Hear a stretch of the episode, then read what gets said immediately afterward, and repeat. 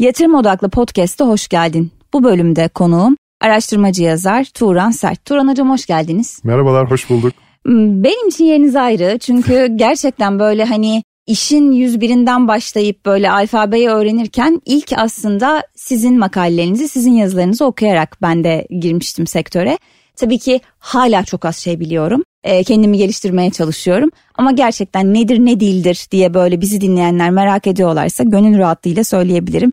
E, Turan Hoca bu konuda bir duayen. E, bu programda aslında biraz tabii ki sizin bilgi birikiminizden yararlanacağız ama bilgi birikiminin yanı sıra ben biraz deneyimlerinizi de merak ediyorum şu anlamda. Şimdi Türkiye'de artık birçok farklı şirketle e, proje geliştiriyorsunuz. Birçok yatırımcı türüyle tanışıyorsunuz. Hı hı. Ve gözlemlerinizi de merak ediyorum aslında. Yani Türkiye'deki yatırım enstrümanlarının sadece işte borsayla, hisseyle, döviz piyasasıyla kalmadığı, aynı zamanda teknolojinin de bir yatırım aracı olarak görüldüğü ve teknoloji tabanlı yatırımların, buraya yapılan yatırımın giderek arttığı konusunda bir genel kanaat var. Ama yeterli seviyede mi? Gidişat nasıl? İlk önce onu sorarak başlayayım. Ee, tabii Türkiye'deki yatırımlara baktığımız zaman e, özellikle teknoloji alanındaki yatırımlara baktığımız zaman ağırlıklı olarak e, fintech dediğimiz finansal teknoloji alanındaki girişimlere ciddi bilgi olduğunu görüyoruz. Bu Türkiye'de gelişmiş bir bankacılık sistemi olması ama bankacılık sisteminin de dijitalleşmeyle birlikte kendini yenilemesiyle doğan ihtiyaçtan kaynaklanan fırsatları değerlendiren girişimlerden dolayı oluyor. Ödeme sistemleri olsun, diğer alanlarda finansal teknoloji, fintech dediğimiz alanda ciddi bir Türkiye'de bilgi birikimi olduğunu görüyoruz. Bir taraftan da tabii oyun alanı da aynı şekilde e, dünyadaki yatırımcıların da ilgisini çeken bir alan. E, yeterli mi? Tabii ki değil.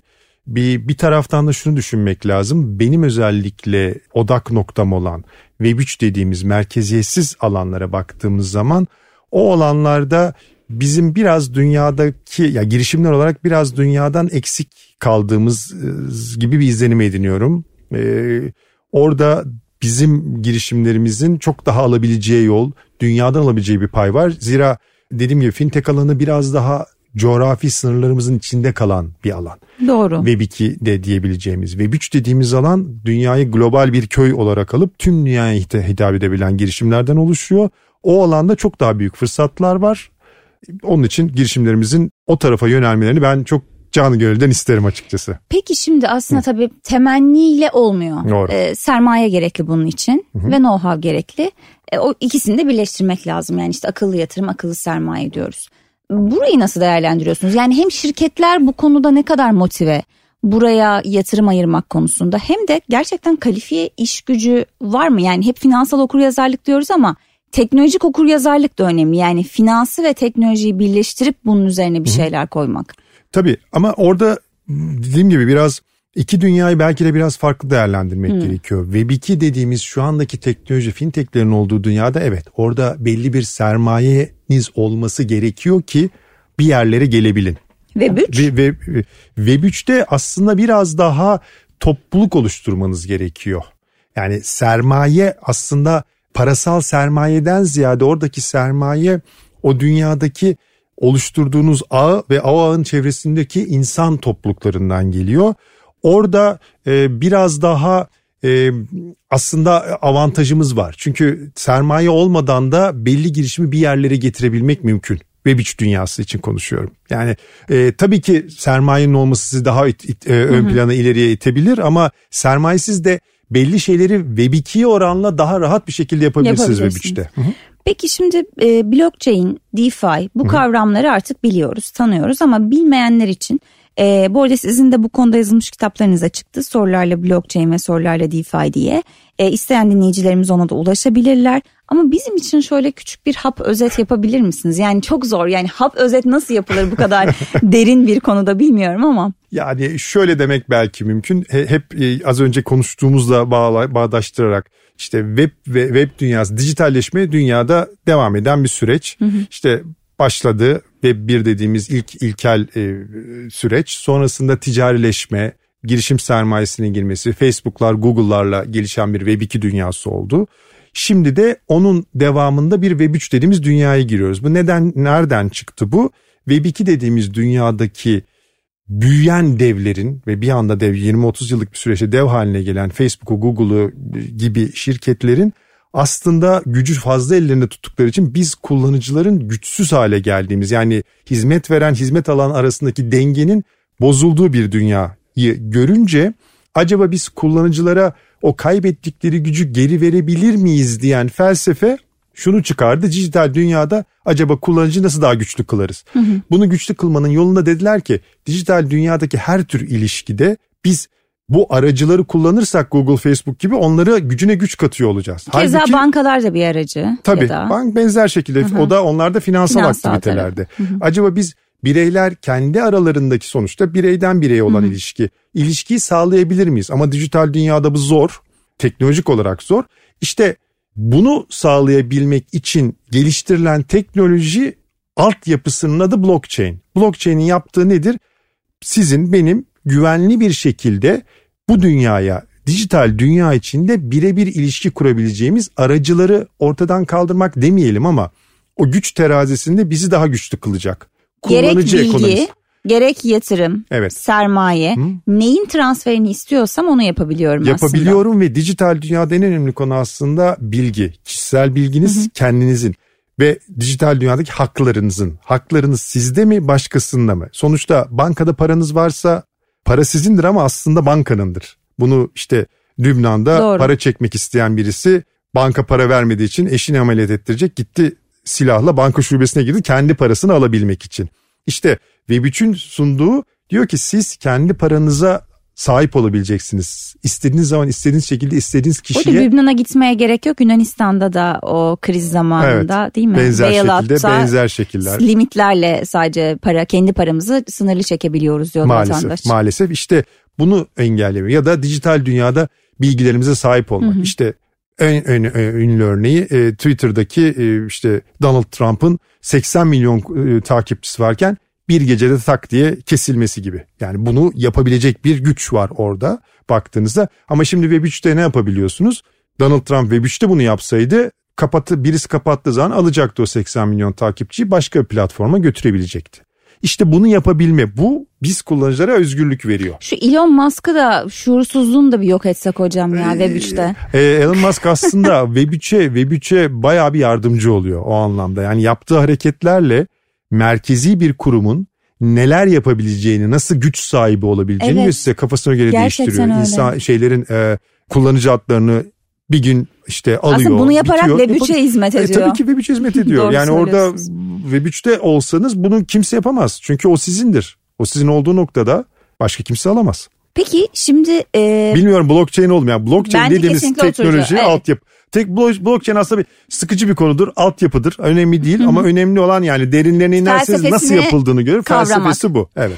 Peki geçelim hemen DeFi tarafına. Aslında blockchain ve DeFi'yi ayrı ayrı düşünemeyiz. O yüzden entegre bir şekilde belki Hı-hı. anlatabiliriz biraz. E, ya aslında de, de, de, de, DeFi dediğimiz blockchain altyapıysa onun kullanım alanlarına Hı-hı. baktığımızda finans alanındaki kullanım alanlarına e, DeFi diyoruz.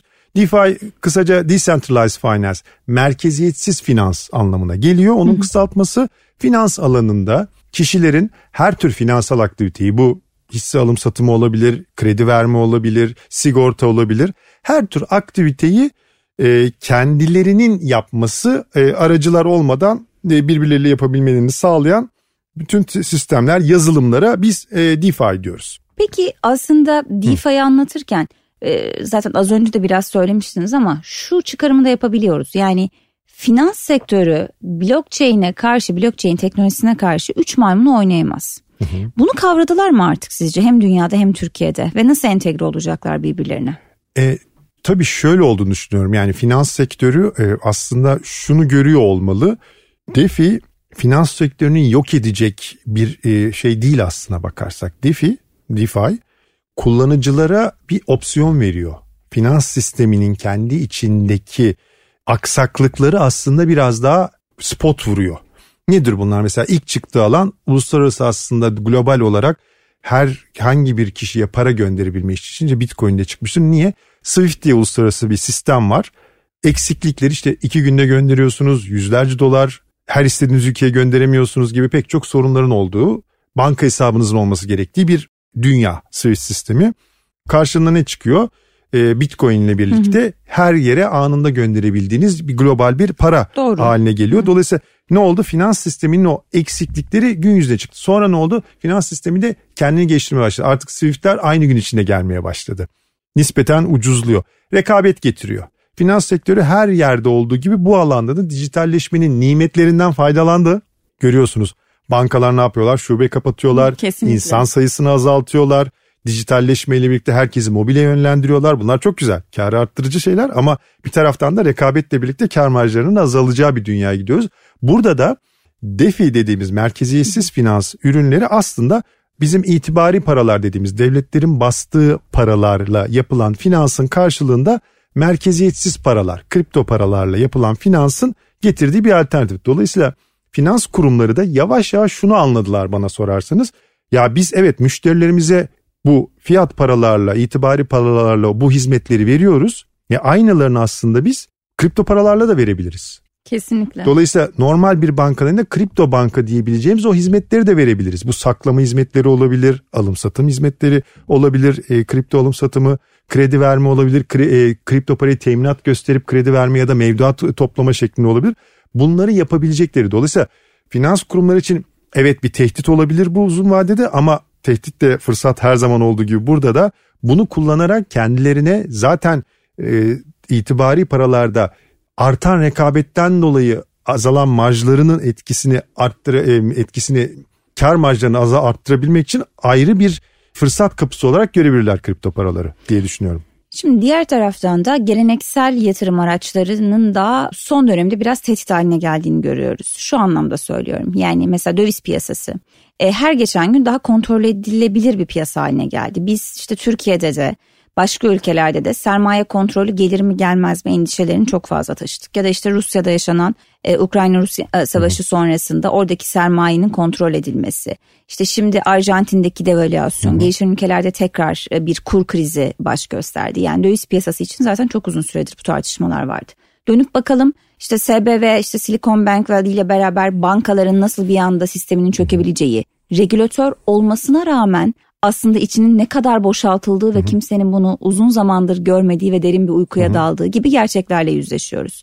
Bütün bu olumsuzluklar geleneksel yatırım araçlarının yavaş yavaş biraz daha e, dijital yatırımlara, teknolojik yatırımlara, blockchain tabanlı yatırımlara dönüşmesine destekleyecek mi sizce?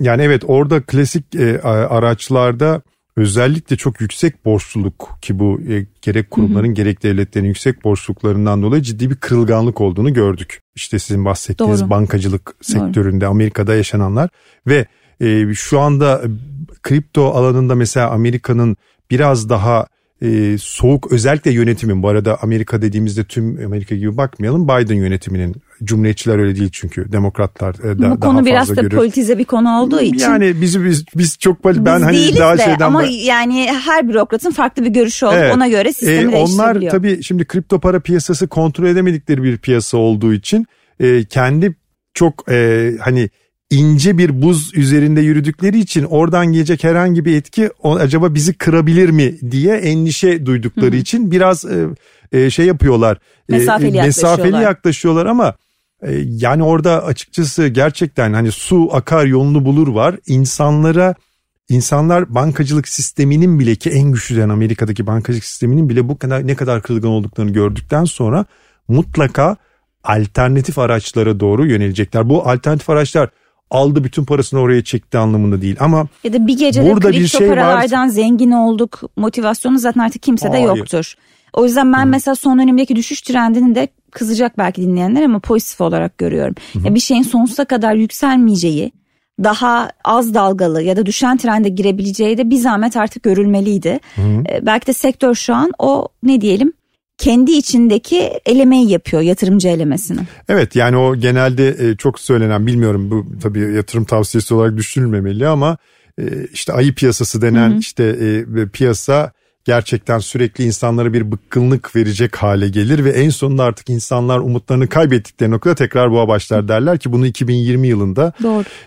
ciddi bir kötü 2018'deki o ciddi artıştan sonraki düşüşten sonra Covid ile birlikte bir düşüş daha yaşamış ve herkes artık knockout olduk dedikleri noktada tekrardan yükselişe başlamıştı. Hani benzer şekilde burada da e, hani e, hiçbir şey her zaman yükselmez dediğiniz gibi. Şu unutulmaması lazım özellikle kripto paralarda da gerçek anlamda kullanımı çıktığı noktada bunların biz başarılı olduğunu göreceğiz. Yavaş yavaş çıkmaya başladılar onu görüyoruz. Neyse ki özellikle işte DeFi gibi alanlarda kullanım alanlarının. E, şu anda hala kripto para tarafı spekülatif gidiyor. Spekülatif gitmesi demek birileri hayal tacirliği yapıyor ve inip kalkması o yüzden oluyor.